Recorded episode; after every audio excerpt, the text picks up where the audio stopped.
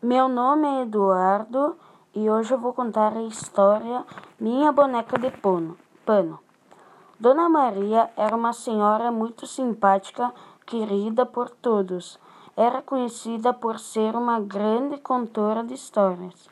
Encantado com seus gestos e falas a todos pequena vila, da pequena vila, em que morava certo dia Maria se reuniu no centro da vila, em bancos de uma pequena praça, com várias crianças para contar-lhes causos.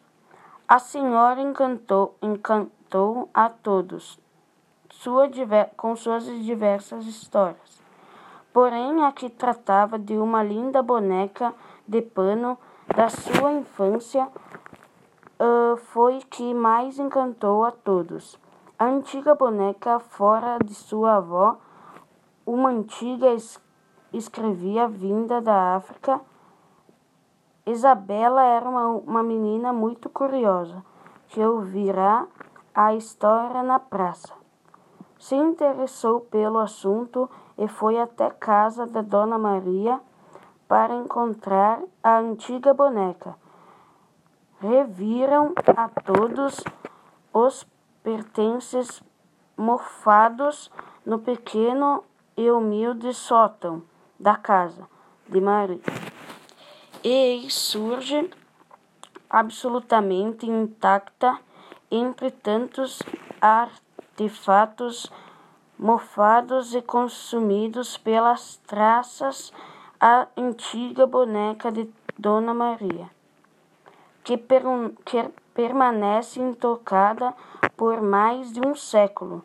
A, contado, a contadora de histórias não contava a emoções diante do reencontro com a antiga boneca de avó.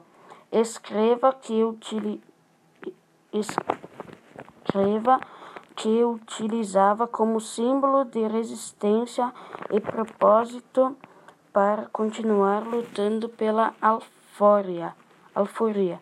Isabela deu um abraço forte em Dona Maria e a consolou.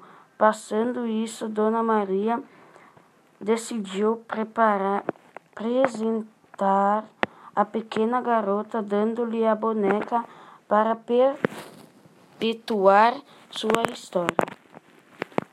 Bom, essa foi a história da minha boneca de pano.